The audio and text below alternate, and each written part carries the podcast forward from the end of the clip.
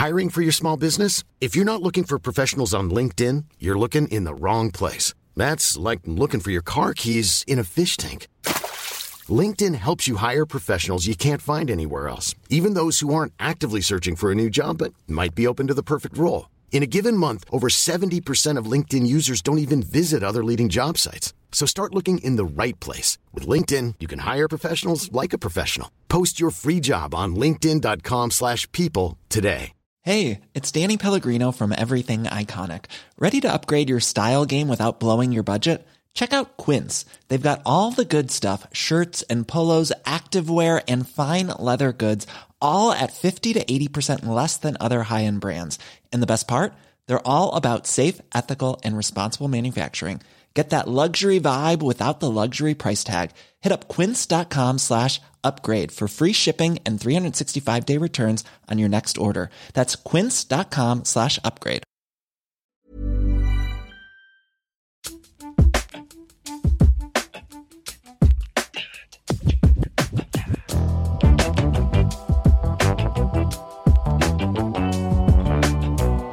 Hej och välkomna till det 46 avsnittet av Brittas och Parisas podcast. Varje vecka om både populärkultur och nyheter och det som ryms däremellan.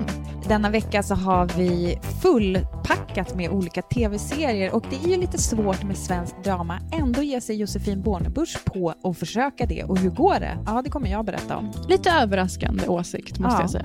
Och jag har djupdykt ner i det så kallade kebabbråket som skakar Sverige. Alltså självskadetittat på Opinion Live så att ni slipper. Och har en god lista på det. Om ni vill ratea oss, eh, skriva små omdömen i era appar där ni lyssnar på poddar så blir vi jätteglada om ni gör det. Nu kör vi! Nu kör vi.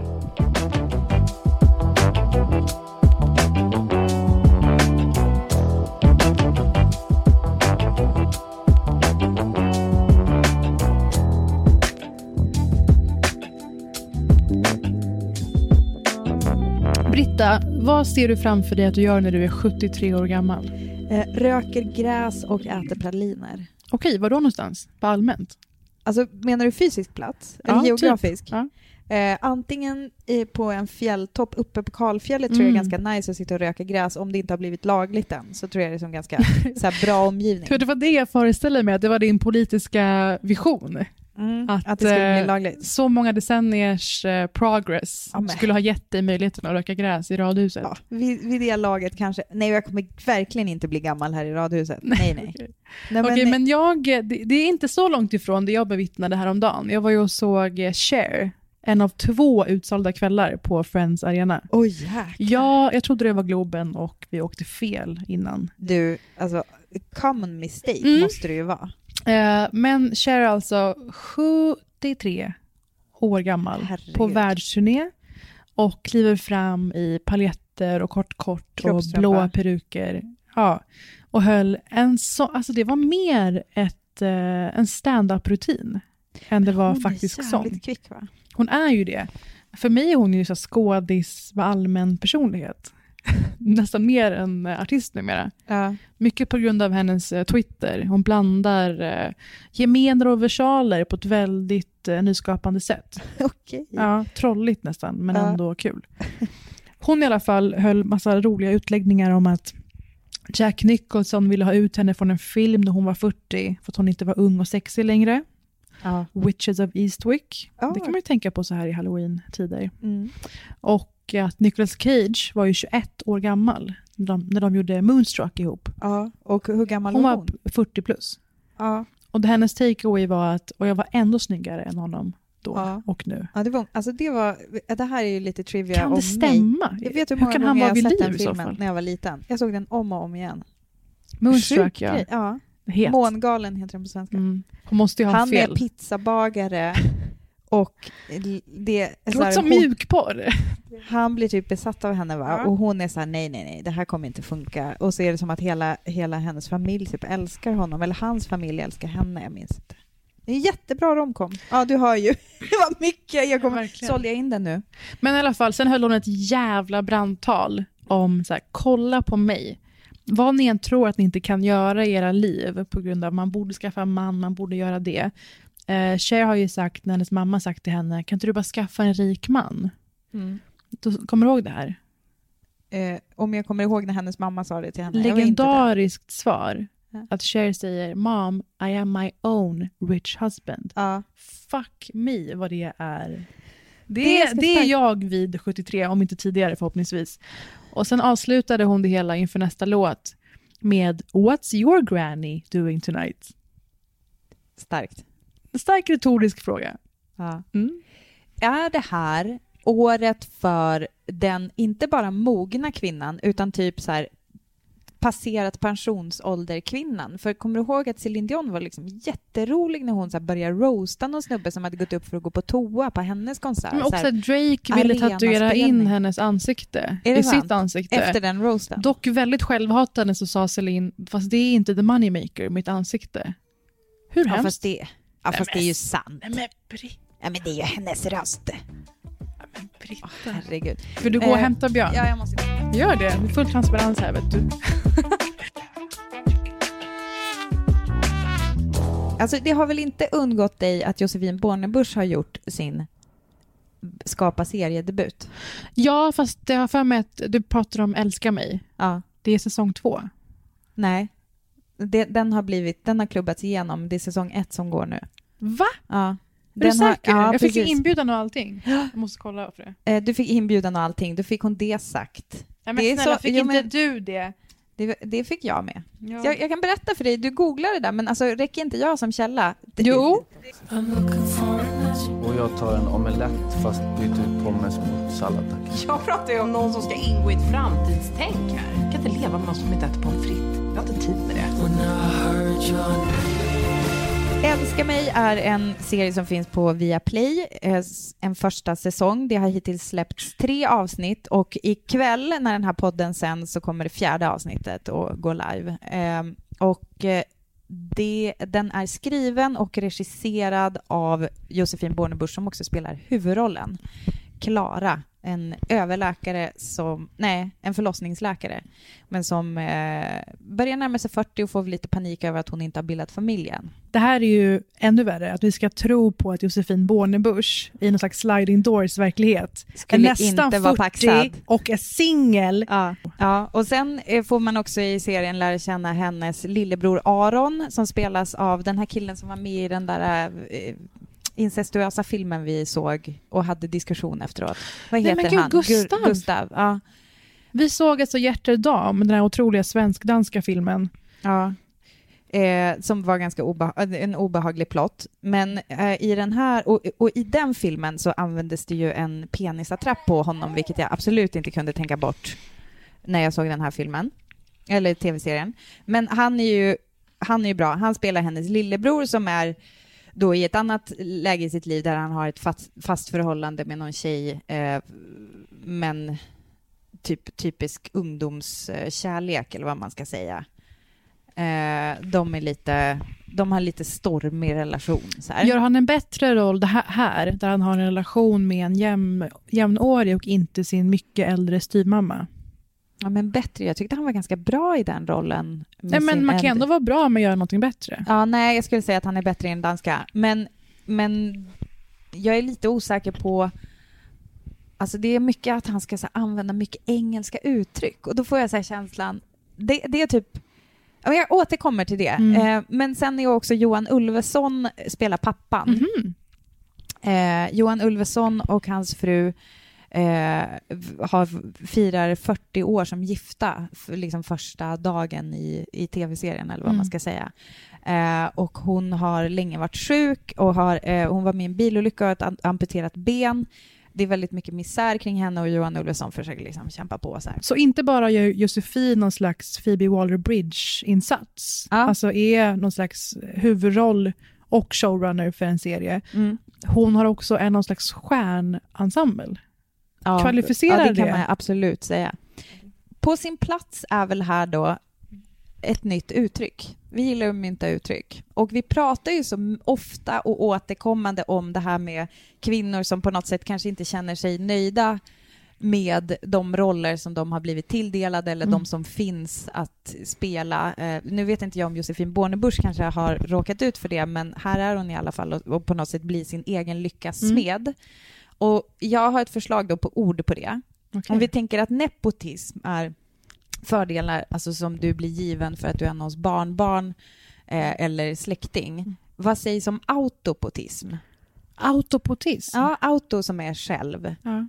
Alltså autokrati är ju självstyre. Yes. Och då har vi liksom autopotism, typ att du, ser, du är självkunnande liksom. Du Eller? premierar dig själv, själv. istället Exakt. för att premiera din eh, kompis kusin som har kommit in på någon utbildning och vill ha en prao på ditt produktionsbolag. Mm. Klipp till exakt alla rekryteringar i media någonsin, förutom oss två. Ja, exakt. Och Just det, en av oss Nej, tillhör ish en mediefamilj. Släpp det. Men Släpp det det. har inte gett mig några fördelar.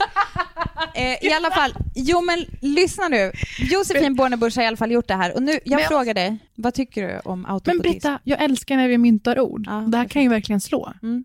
Har vi Det några är fler? lite krångligt, alltså så här, ja, eh, ja det är lite autopotism där. Hon har ju både skrivit Mm. och spelat huvudroller. Ja.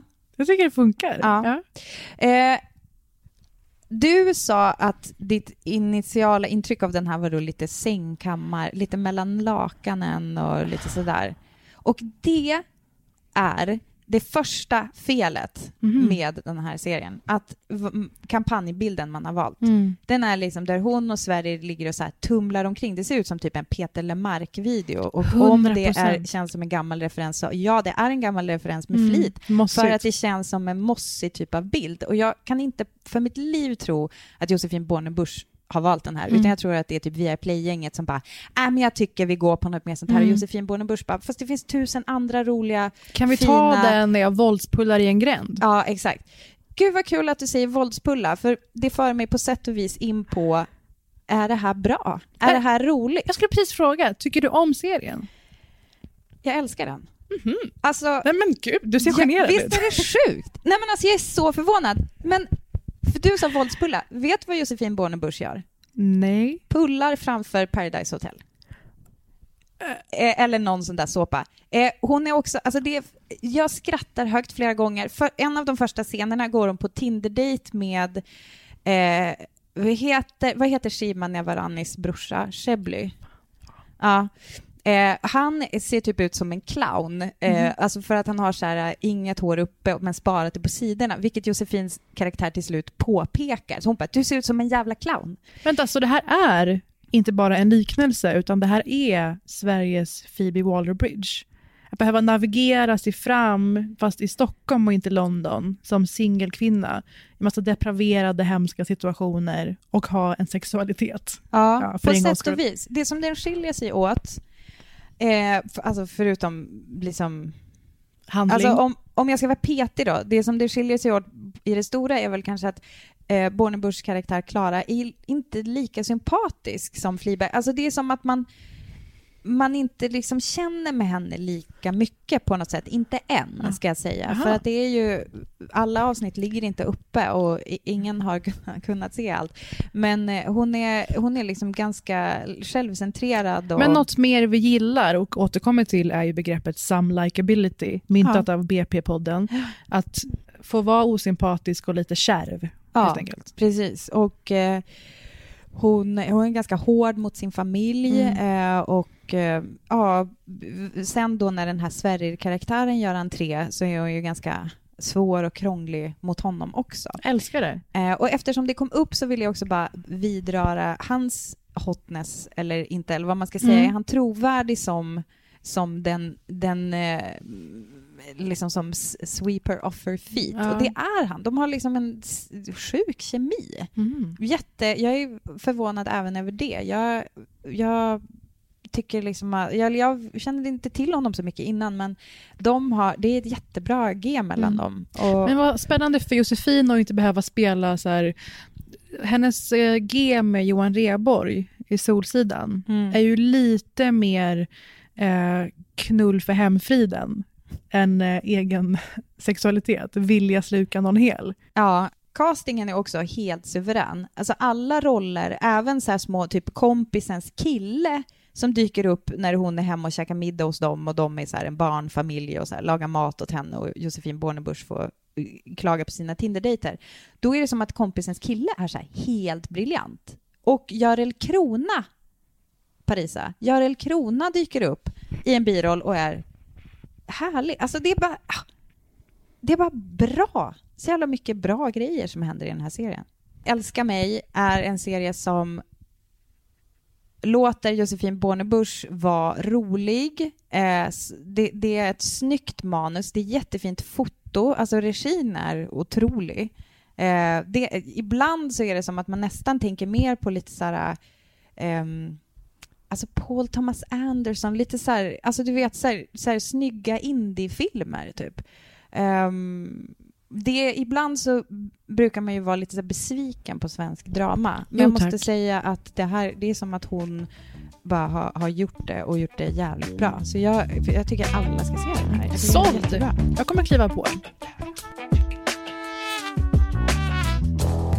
Britta, vi sa ju i podden apropå Joker och att han är ståuppkomiker, att det passar så bra med ståuppkomiker som incels. Ja. Många av dem är ju lite skadade Ja. och en hel del har figurerat i metoo-fall. Nu vågar jag inte nämna några namn, men ni kan ju googla eller annat.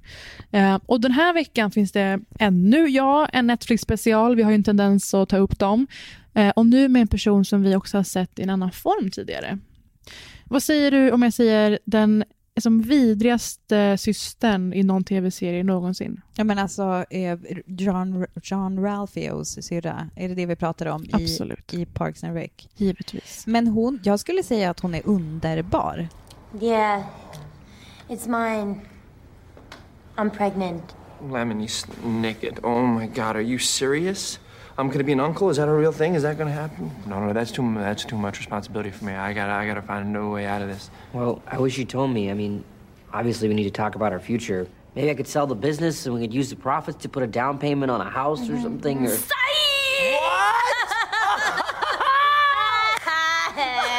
at your stupid face. You had a dum dum face. that was hilarious. that was hilarious. hilarious. Alltså Mona Lisa Saperstein som är eh, manipulativ, helt känslokall, en totalt utnyttjande person, men också såklart väldigt, väldigt rolig karaktär i Parks and Recreation. Ja. Det är henne du menar. Det är henne jag menar, syrran till eh, Ben Schwartz karaktär John Ralphio. Två eviga karaktärer, man tröttnar aldrig. Nej, man tröttnar inte. Men sen så blir jag så här, nu försöker jag kolla över din axel, för Ja. dyker de upp i så särskilt många avsnitt? Det vet jag inte. Nej, men det gör de inte, men eh, tillsammans är de ju ett bra team och varför jag nämner det här är för att Mona Lisa spelas av Jenny Slate. Och jag vet inte om det är så många i Sverige som känner till henne vid för och efternamn bara. Fast jag har pratat om henne angående Obvious Child Ja. förut. För vi har ju nämnt henne innan, för de som har lyssnat, i till exempel Obvious Child och Landline. Hon har gjort två filmer som verkligen tar upp någon slags, ja men det är någon slags The Squid and the Whale-tappning, men med lite mer faktisk eh, uppfattning av att kvinnor är människor. Host, host Noah Baumbach. Ehm, och nu är hon aktuell igen för att hon gör någon slags märklig Netflix-specialaktig stand-up. Mhm. Det är inte stand-up per se alltså? Har du sett någon reklam för det här? Nej. Passera. Ja. Det, den heter Stage Fright, ligger på Netflix och jag slog på den och det är ju väldigt hög konkurrens just nu för eh, stand-up specialer. Mm. Då tänker man att nu kommer det fyras av Mm. skämt efter skämt. Nu jävlar.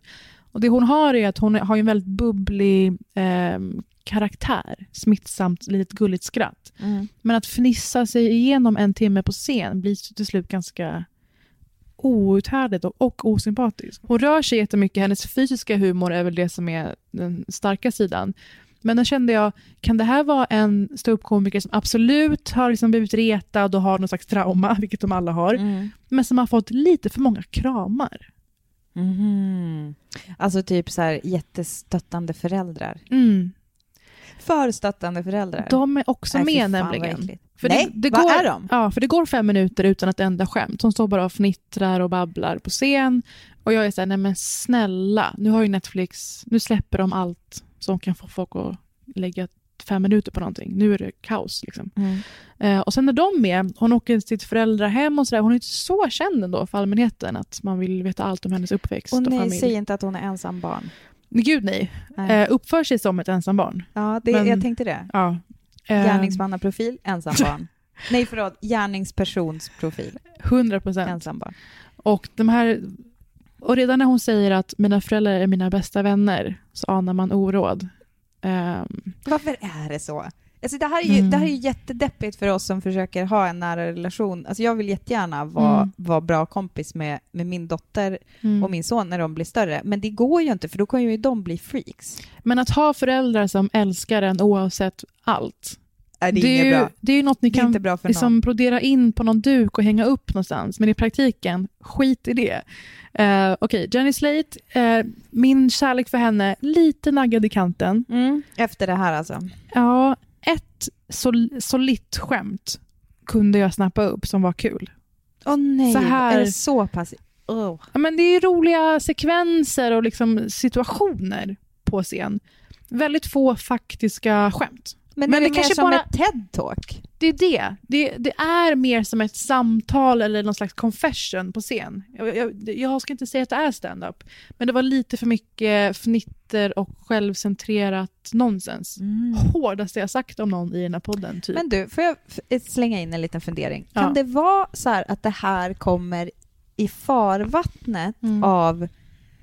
För Fleabag var ju faktiskt en scenföreställning från början som gick svinbra Mm. i, i, även i New York, Mm. där den gick. Enmansshow. Ja, precis. Och eh, Phoebe Waller-Bridge, jag har ju knarkat info om henne, men hon har ju Mm. också berättat att typ Nicole Kidman och Keith kom dit och, och såg den. Alltså så pass var den ändå. Slingor fanns. Uppsnackad liksom. Mm. Eh, slingor fanns, alltså between the two of them, absolut. Ja. Eh, men, eh, så det kan ju kanske vara något sånt, att man bara, vi kanske kan ha en, quirky tjej på scen, konceptet. Och jag älskar att hon är så quirky och härlig, men att eh, kosta på sig en Netflix-produktion och att folk ska titta på de här, de här minuterna. Jag tycker att det idag kräver mycket mer. Ja. Det känns som det. Och att om det hade varit så här, sitta ner och babbla, absolut. Men nu hade det ju formen som en special. Och jag tycker att vi inte bara ska berätta om saker vi älskar eller myser med i Mm. podden, utan att ni ska få faktisk eh, konsumentvägledning. Perfekt. Och sen så, det här reflekterar ju mer övermättnaden just nu på Netflix. Och att, eh, är det less is more på gång? Det kommer väldigt mycket därifrån just nu och jag kommer nämna två grejer till som de kunde ha gjort mycket bättre. Eh, men nu, Jenny Slates bästa skämt ur hennes någon slags pratgrej på scen. There. It actually is crazy how the government acts just like your worst boyfriend. Where you're just like, you did that. And it's like, no, I fucking did it. You're fucking crazy. and you're like, I feel so much despair that now I'm silent. anyway. Det håller. Det håller, Ja. absolut. Men så då, nu när man har hört det här skämtet, då behöver man Mm. alltså inte titta på det här. Jo, titta! Men tänk på det mer som att det är någon slags meet and greet med Jenny Slate. Jag förstår. En- alltså, en som att special. ha, man kanske kan, typ om man har fest hemma så kanske man kan slå på den där och se det som att Jenny Slate är eh, en person som är på festen bara. Och då kanske det passar bättre än att hon är den som håller låda.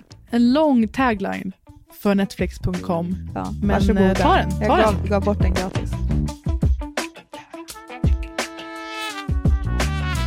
Och sen nämnde vi The Laundromat som nu finns på Netflix för några veckor sedan. Apropå att Meryl Streep hade på sig en... En bucket hat. blev ju många memes på det. Och det är ungefär vad den filmen är bra för. Memes kring bucket hatten. Jaha. Ja, men Jag hade sådana förväntningar. Det är alltså någon slags, eh, i den här andan just nu av att göra dokufiktionaliseringar av nutida händelser, så kretsar det kring Panama Papers. Mm. Um, där Meryl Streep är någon slags eh, senior Erin Brockovich, tar till liksom rättvisan. Och eh, den, är gjord på, den är gjord av Steven Soderbergh, tyvärr på ett otroligt pajigt och platt sätt. Mhm. Eh, den kan man rakt av eh, skita i. Inte, man vill inte ens se den för Meryl. Ni kan se den för att ha sett Mer. den, som jag ibland säger. Eh, förvänta er ingenting och lägg inte alla kort på det. Om ni har en filmkväll den här veckan, ta något annat. Parisa, har du några känslor kring att det har tillkännagivits vilka som ska hålla i halftime show på Super Bowl? På Pratar du om Shakira och J Lo? Eh, ja. Nej, men det känns ju skitsmart. Alltså det är, så, det är otroligt smart, men berätta varför. Varför? För att de båda uppskattar att klä sig i liksom såna här kläder som visar höftbenen, som är väldigt inne nu. Ja, det är ju en del VB också in, inblandat. Och eh, utöver det så är det smart för att de liksom täcker någon slags, både alltså hela Mellanöstern, hela Sydamerika och Nordamerika vad gäller mellan- fanbases och Ah, hela Europa. På grund av eh, spanskt, arabiskt, amerikanskt. Så man fattar ju målgruppstargetingen. Men det är ju också, alltså vi bör ju nämna att eh, alltså, uh, halftime show Mm. på Super Bowl har ju fått lite skit på sistone för just för att, eh, eller till exempel Rihanna har ju så bojkottat eller tackat nej till att göra en eh, sen Colin Kaepernick har eh, protesterat mot sättet som eh, han har blivit behandlad av NFL. Så att det är ju inte, det är ju politiskt är det ju liksom inte helt så här eh, neutralt att ställa upp på det här. Men sen så har ju då NFL anlitat Jay-Z som deras musikansvarige. och det har blivit jättekritiserat. Ja. Att han liksom vänder Colin ryggen. Precis. Ja. Och nu har jag då ett move som jag gissar att han är väldigt inblandad i, måste han ju vara då, Mm. att engagera J Lo och Shakira. Som, och det kommer ju också gå av stapeln i Miami och där är ju eh, så pass stark latino population. Frågan är om jag är där när det här händer. Alltså det som är grejen är... Jag har ju en tendens att vara i Miami. Var, ju- det var så jag sa det. Alltså jag undrar verkligen bara när det är. Men för det var det jag tänkte fråga dig, om du liksom, är du där för det här? Alltså är du liksom, kommer du att titta på det här? Jag måste ändå säga att, ja, Jay-Z, well played. Jag är intresserad. Jag kommer 100% att titta på det här. Men det jag som är kommer grejen- inte att missa. Det här är ju två artister som har kanske haft flest featurings, dels på andras låtar och på sina egna, än Ja. någon annan. Det måste vi öppna med. Ja. Det är någon slags, liksom, nu kommer det, nu är hela containern full med Rihanna och Shakira har gjort någon låt ihop. Hon kanske liksom sväljer det hon har sagt och dyker upp på ett hörn. Gud, det har jag, det har jag helt glömt. Så jag tror att det kommer vara många gäster, om inte annat. Tror du det? Och en Ja, jag- hel jag- del inoljade rövar. Varsågoda! Jag hoppas på diamantbeströdd kroppsstrumpa gånger två. Jag hoppas på att de kommer ut i full fotbollsmundering okommenterat. Det lär de göra. Alltså typ utan byxa.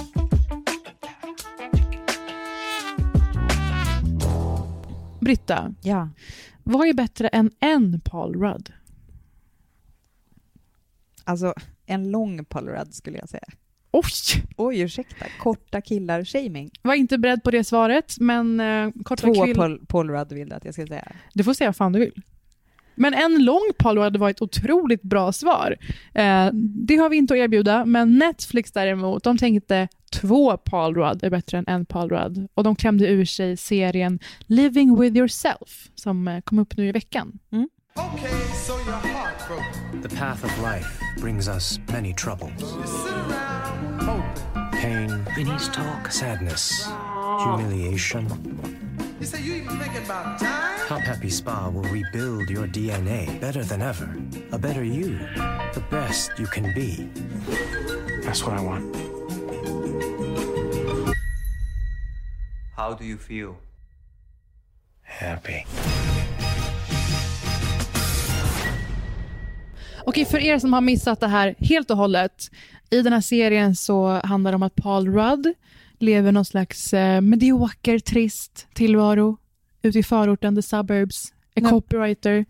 Ja, han, det, kän- han, han har ledsnat. Alltså han har ju typ tappat livsgnistan helt. Säckat ihop fullständigt, gift med en underbar fru, bor i ett stort hus och eh, blir tipsad om ett spa. Man kan gå dit och liksom bli en helt ny person nästan. Och så visar det sig, det här är inte en spoiler, det är med i trailern, han blir klonad där. Men de misslyckas med att döda det gamla jaget, vilket verkar vara hela premissen för Mm. att kloning ska funka. Så han lever parallellt med sin klon och måste samsas om samma jobb, samma fru, samma hus. Men med en klon som är lite härligare än honom själv. Mm. Det är det som är grejen. Att tanken med klonen är att den ska ha andra egenskaper i sin personlighet, sitt DNA helt enkelt, som gör att den lyckas bättre i livet och mår bättre. Det är så de har löst mental ohälsa. Mm, Byt ut perfekt. den helt enkelt. Byt person bara. om vi bara stannar vid premissen, att vilja byta ut sig själv mot en, en snäppet vassare version. Eh, resonerar det med dig på något sätt? Eller does it resonate? Ja, ja eh, eh, alltså absolut. Men jag känner ju mer, alltså så här, när, jag, när jag tänker så här, om en klon som skulle vara så här, lite bättre än originalversionen, då tänker jag framför allt så här, att den inte skulle vara så jävla närsynt. Alltså förstår du? Det, och det är ju en grej som Paul Rudd eh, också faktiskt eh, drabbas av, höll jag på att säga. Men att han upptäcker att han inte behöver glasögon längre. Det är en jätteliten Mm. bit. Men den typ skrek jag rakt ut av, för det är någonting som jag har önskat. Och ja, jag vet att man kan operera, men det verkar jätteäckligt. Eh, men i övrigt så känns det ju som att klonen, eller ganska snabbt så här blir tydligt att det klonen håller på med är kanske mer att den så här vet att uppskatta det som Paul Rudd redan har. Ja, exakt. Alltså, han är helt annan. Jag skrev ner några eh, saker här. Han är liksom, omtänksam, positiv, självsäker, charmig, karismatisk, eh, initiativrik. Han går ut och ligger med ett majsfält bara för att han typ tycker att det är så härligt med Uppskatta. naturen. Han är driven. Ja. Väcker entusiasm. Det här är som en lista man skrev man skrev, försöker göra det allmängiltigt, det Mm. handlar om mig. Mm. När man liksom verkligen vill göra slut med någon och man skriver långa listor i Notes-appen under liksom en rubrik som är så här, handla. Men där är det, det är där man resonerar med sig själv. Bara, saker jag hade uppskattat med en pojkvän och så bara skriver man upp allt och sen så tänker man hur mycket av det här har jag faktiskt? Och då inser man att det, är låter dags, som dags att göra slut. En jättenyttig övning. Mm, men det här har jag gjort ibland i uppemot ett år innan det har tagit slut. Varsågoda för den. Men i alla fall, sen så visar det sig att det inte är så enkelt att man bara kan tajta till vissa egenskaper. Och det får ni se i serien. Men man sitter ju själv och undrar, hur hade ens egen klon varit?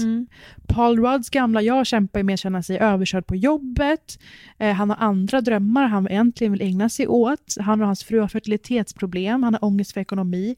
Det är ju faktiska problem. Mm. Men att det här att man inte ska få tyngas av verkligheten utan att det är inställningen som löser allt. Ja. Det är ju en sorts liksom, nyliberalistisk entreprenörssamhälle-tanke. Det är ju lite som att här, säga till någon som är deprimerad att så här, men det är bara att tvätta håret och ta på dig något fint. Alltså typ... Eh, Alltså, sätt- bless you, Eh, puffa upp, eh, köp lite nya soffkuddar och, Vänta. och krypa upp med en Tänk, kopp hur, te. hur kunde du tänka samma sak? För det här har du fått från Amanda Schulmans bok.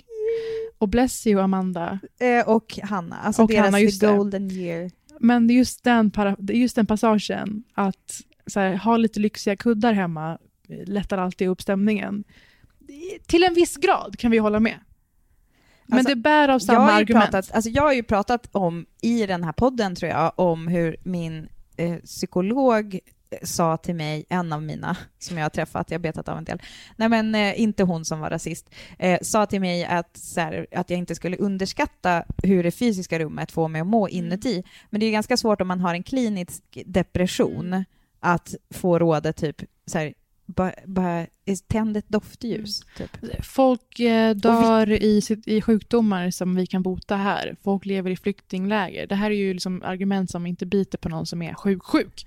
Men just den här liksom privilegierade logiken kan låta ungefär så här.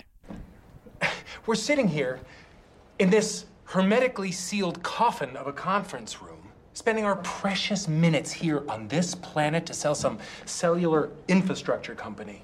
When we could be out living and breathing and fucking and dreaming. So why? Why do we give a shit? Alltså alla TED-talks någonsin. Verkligen. Någon som har som ärvt jättemycket pengar och sen åker runt hela världen och pratar om inspirational Och ha på sätt sig kakifärgat. Absolut. Och eh, det här var så klonen ni hörde, som man kanske uppfattar om man, om man tänker, om man hänger med. Och ehm, serien, tycker jag, handlar så mycket om dels det här vi lever i att jämföra sig med andra människor, den ångest det ger Mm. och att man då faktiskt inte uppskattar det man har. Det Mm. finns ju en balansgång mellan att mellan det som kallas för self-improvement, att faktiskt, kanske för sin familjs skull, sin partners skull, försöka göra sig själv till en bättre person. Mm. Det finns ju saker om, om det som inte bara är självcentrerat. Och sen finns det ju det här som kallas för självacceptans också. Mm. Någonting som gör att man eh, står ut med tillvaron och till viss mån uppskattar den. Men det är så jäkla dubbel, dupp, dubbelt. Ja, det är dubbelt det där.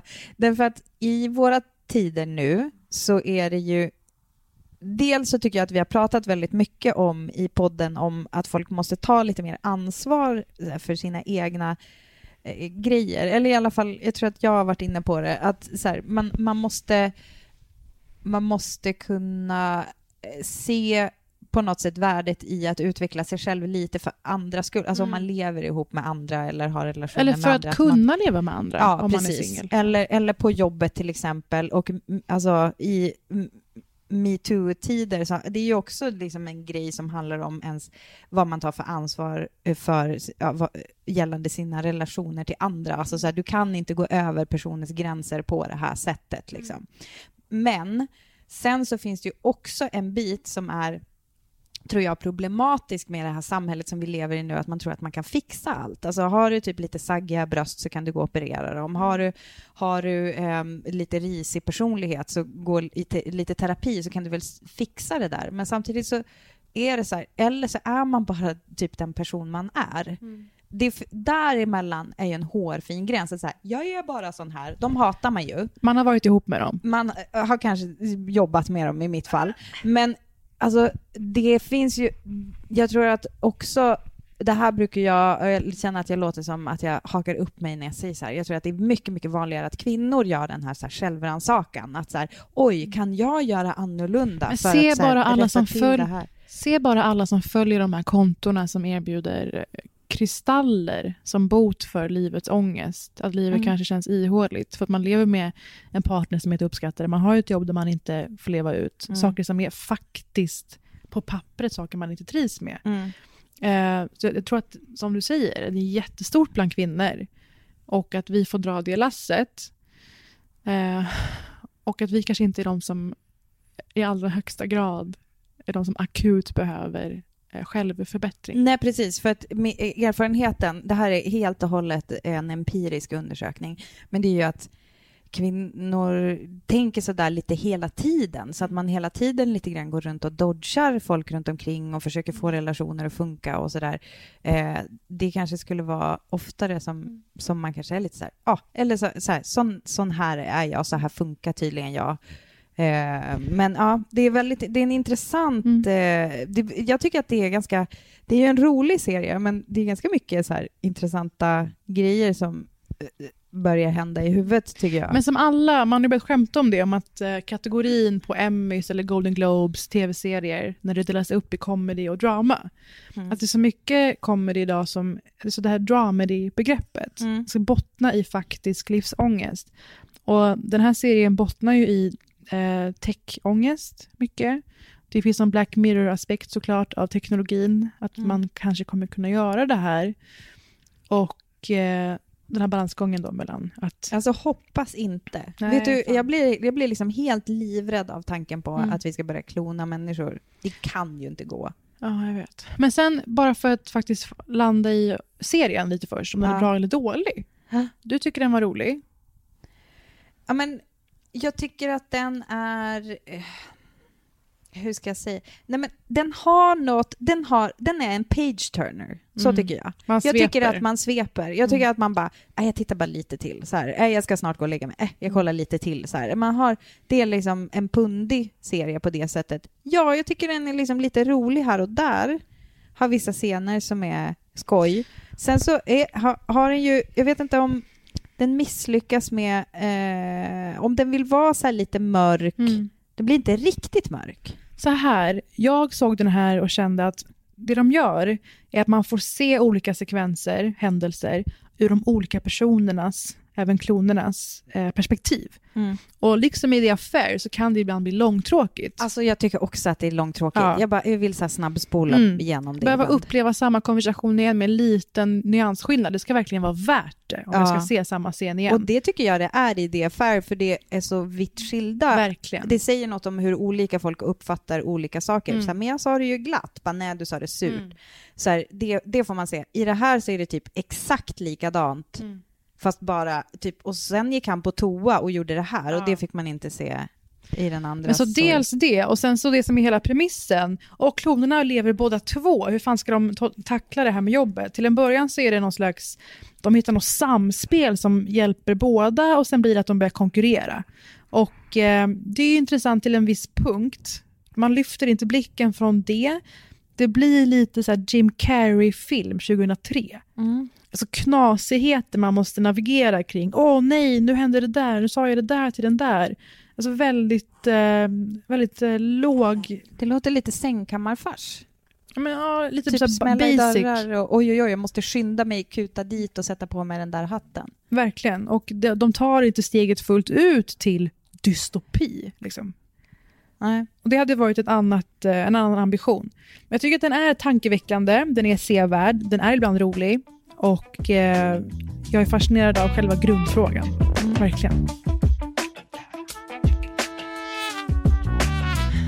Jag tycker ju om att se på det som att podden ibland kan vara folks eh, sköld i audio. Vi tar smällar åt er. Eller hur? Alltså menar du att filtrera saker? Vi filtrerar saker, vi hjälper er att smälta saker ni har hört talas om eller sett. Eh, vi brukar skoja om att vi är någon slags frälsare i farten. Er machete i misären. Alltså ni kan hacka er fram till salvation helt enkelt. Och eh, den här veckan så är det såklart en sak som är en eh, total smärtpunkt för hela Sverige. Oavsett vilken så kallad sida man är på så har man nog hört talas om ordet middan. Inte jag. Nej. Ehm, och det är inte så konstigt. För att du, har, du är nyförlöst mamma och så vidare. Uh, och därför tänkte jag att det vore ännu bättre. sten. Ja, det också. Och just därför ännu bättre att vi tar upp vad som har hänt med Midan just utifrån den totala smärtpunktens epicentra, Opinion Live. Jag Oh. tog en smäll för er skull och jag såg avsnittet som handlar om det som kallas för kebabbråket.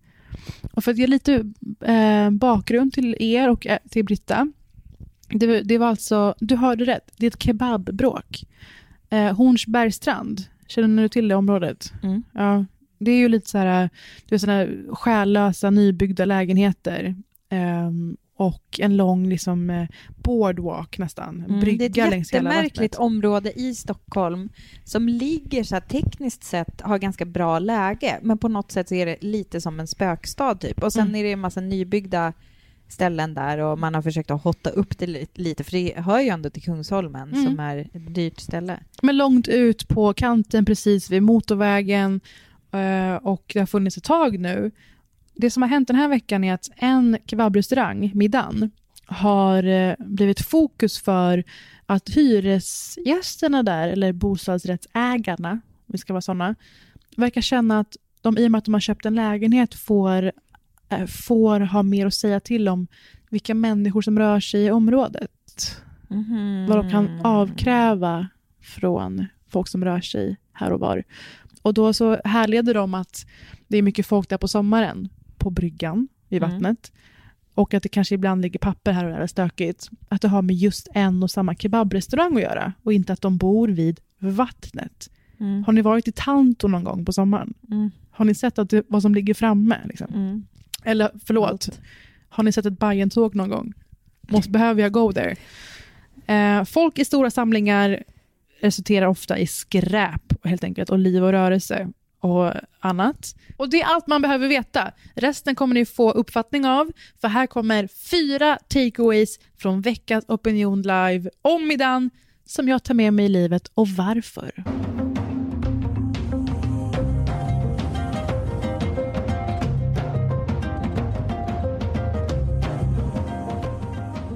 Nummer ett. En mening som är det optimala koncentratet av Sverige 2019. Till tidningen Aftonbladet så sa en småbarnsmamma i området citat jag är ingen rasist, men det är ju Mohammed och Ali som hänger där. Britta, är det du som har hängt i Hornsbergsstrand? Det, är- alltså det, det är faktiskt det är jag, det är ett citat. Du, eh, eh, ledtråd till om du är rasist eller inte. Du börjar meningar med “jag är inte rasist, men”. Till exempel. Och sen så kan man känna så här. Hon är ju ingen rasist. Hon har ju memorerat namnen på två personer från restaurangen. Hon har träffat både Mohammed och Ali och faktiskt kommer ihåg dem by name. Om man var rasist skulle man ju inte bry sig om att kunna namnet på två sådana personer. Alltså hon berättar två polare som hon som hänger där. Just det. Om man lyssnar snabbt så tror man att Muhammad Ali hänger där. Som tur har man inte.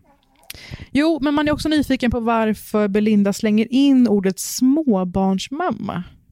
Ja, det var en kul eh, detektivdetalj eh, av dig. Är det någonting att hon ska få det att kännas mer harmlöst eller mer man ska ha större förståelse för uttalandet då? Det hade ju kunnat vara ett vittne bara, eh, men en småbarnsmamma är liksom, det är ju ingen, inget skinnhuvud. Nej, exakt. Alltså- För om hon bara sa eh, citat av en person som pratade med Aftonbladet Ja. och sen sa den här meningen, Mm. då Jag skulle tror- det inte framstå som lika tvättstugekompatibelt. Nej. Så det tycker jag var intressant att Belinda tog med det. Mm. Och sen så, som du säger, jag är ingen rasist men det finns väldigt sällan anledning att säga så om man inte har rasistiska åsi- åsikter. Precis. För om man ser en person som, heter, som sägs heta Mohammed eller Ali och registrerar det och liksom applicerar det Nej, men på ett alltså- problem. Ja, alltså allt som kommer efter den meningen är rasistiskt. Nummer två, något som ringar in tidens slappa aktivism och tanke på solidaritet i en enda mening. Ja, jag har hört att till och med partiledare Jonas Sjöstedt från Vänsterpartiet har stödkäkat kebab i veckan där. Mm, ja, det stämmer. Ja. Okej, men hade du kunnat göra det? Stödkäka kebab? Ja, alltså absolut. Om det, alltså, jag, jag gillar ju lite så här vardagsaktivism. Ja, alltså, alltså stöd, jag- stödgreja med saker, det tycker jag är toppen. Det är det bästa jag vet. Och nu vill inte jag tro att konsumtions, alltså konsumentmakt är hur vi ska ha inverkan politiskt, men eh, bara att så här, lägga upp det på sin Instagram och sådär. Jag har också tänkt på det just med middagen. Eh, men för mig var det ju mest för att småbarnsmamman som är där och tar namn på exakt alla gäster, att hon ska få lära sig till blatterna när jag kommer in i lokalen på middagen. Perfekt. Nummer tre. Plötsligt fick jag höra ord som jag har något vagt minne av att ha hört i en SVT-sändning för många år sedan, men som nu bara är ett minne blott. Det låter ju väldigt mycket som att det är mer att det är människorna som rör sig kring här. Det är folk från annan kultur eh, och rör sig just på samma ställe. Vilket kanske inte passar in i deras bild av hur de vill leva och hur de vill bo. Eh, vi lever i ett mångkulturellt samhälle idag. Eh, Sverige är ett mångkulturellt samhälle och vi måste anpassa oss till det och respektera det. Och istället för att vi ska agera vi och dem så måste vi istället visa kärlek till varandra, upplever jag. Vad tycker du om det här? Pontus Gustafsson Högkil, en kille som bor i området och Word, steppade upp. Pontus Gustafsson. Men visst är man, man hajade till? Det är så ovanligt att höra någon inte vara en mainstream-rasist längre. Jaha, du menar så. Alltså det är någon som faktiskt eh, har politiskt korrekta åsikter. Men alltså politiskt korrekta som har liksom en, en helt grundläggande human syn på människor. Ja, ja, det är Den nivån. så deppigt. Det är så deppigt det har att, kommit. att, vi, att man hajade till. Och det är så kul att det behövs ju någon slags vit allierad för att ge tyngd till sådana här uttalanden. För det står ju fullt med olika beslöjade kvinnor, både Mohammed och Ali närvarade på den här inspelningen, för det var på plats på middagen. Så, har jag sagt det? Jaha, ja, ja, okej. Så Halva-. Halva sändningen var på restaurangen, middagen. Ah, alltså Opinion Live försöker verkligen få överleva. Ja. Och ni tänker säkert på det, skulle inte de lägga ner Opinion Live? Tänker någon på där hemma. Jo, det kom ju nyheten, tror jag var i maj i år. Britta, vi minns det som en glädjens dag. Men där de sen sa att det kommer istället komma ett annat debattprogram som kommer handla ännu mer om polarisering. Att folk ska tycka helt motsatt varandra. Jaha, okej. Ehm, och de säger att de har en fantastisk teknik som gör det möjligt att sända både ut i landet och från Göteborg. Alltså på allmän TV. Alltså de har fantastisk teknik som gör det möjligt att sända från Göteborg. Väldigt roligt.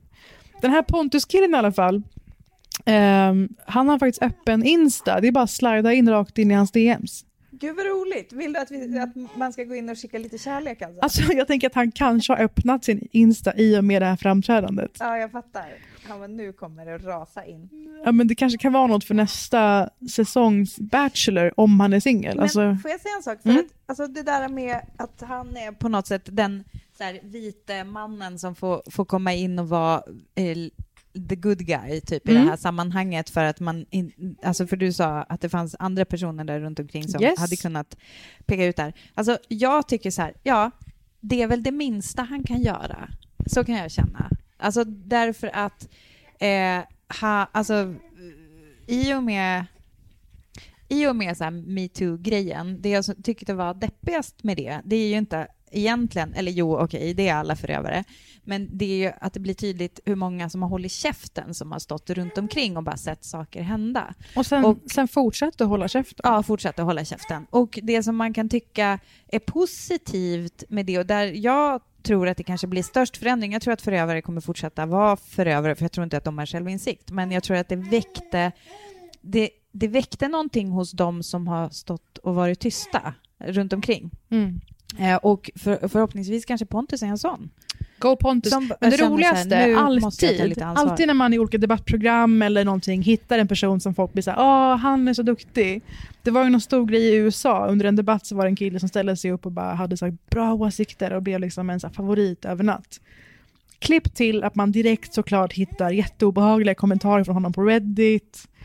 Du vet, det, händer, det kommer ju alltid en sån backlash när Mm. någon är god.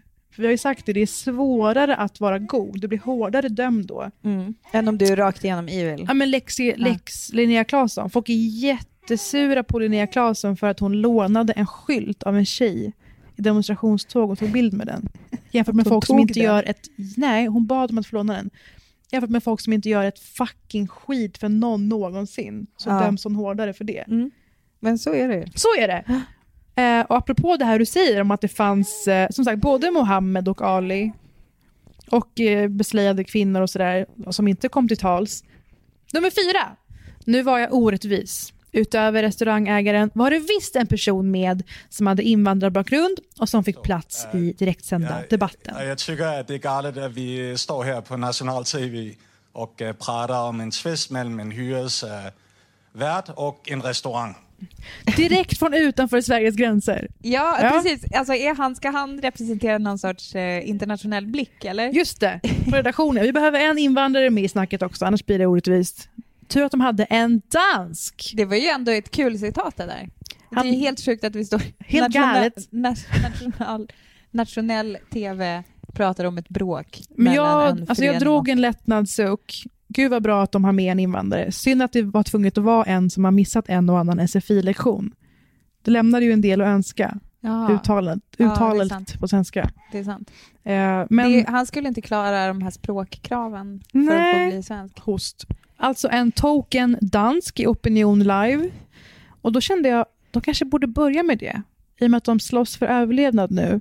Eh, det är som ett publikfrieri till de som eh, hellre vill bo i Danmark med deras getto. De har ju gettolagar på riktigt, som vi vet.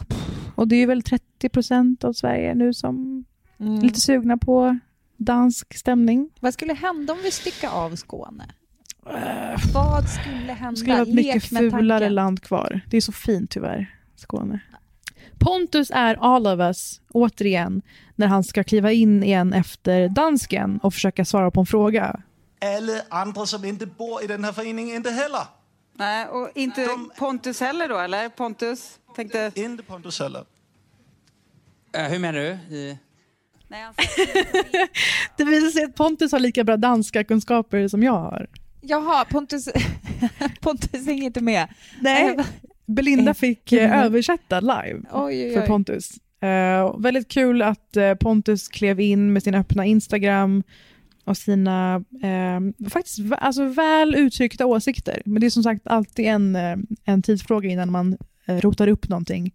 Ha, väl, någonting oftast väldigt harmlöst på en person som bara vill ha liksom, en helt okej syn på andra människor. Men det där är ju också problemet. Alltså, eh, du och jag vet ju det allt för väl att inte ställa upp i, sådana här sammanhang, eller jag kan ju i och för sig bara tala för mig, men att det, är så här, det, det lönar sig aldrig. Det, det kan ba, alltså bara dåligt kan komma ut av att vara med i en sån här grej. Och då tänker man att Pontus inte ett ont anandes skulle göra det, men också att man därigenom, för att stå upp för någonting bra, även gör sig så jävla sårbar. Okej, men vi får hoppas att det går bra för eh, Pontus och för restaurangen Middan fortsättningsvis. Kebabbråket som avslöjade Sveriges sanna natur. Och så ska jag gå dit och eh, lära den här småbarnsmamman fler plattenamn.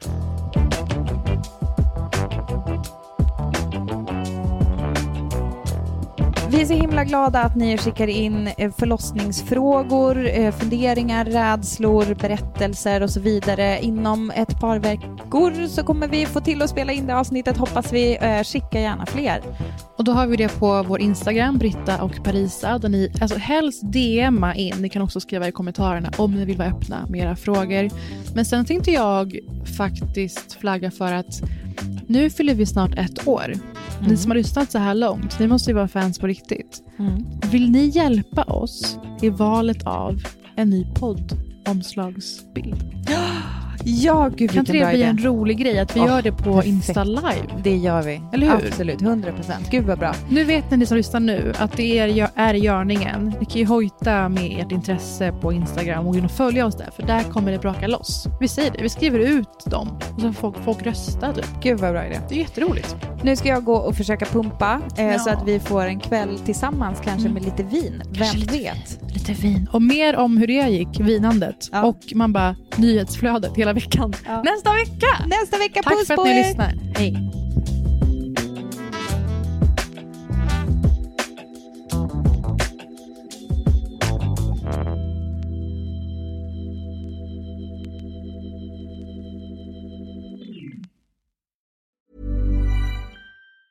Planning for your next trip? Elevate your travel style with Quince. Quince has all the jet setting essentials you'll want for your next getaway, like European linen, premium luggage options, buttery soft Italian leather bags, and so much more. And it's all priced at 50 to 80% less than similar brands. Plus, Quince only works with factories that use safe and ethical manufacturing practices. Pack your bags with high-quality essentials you'll be wearing for vacations to come with Quince. Go to quince.com slash trip for free shipping and 365-day returns.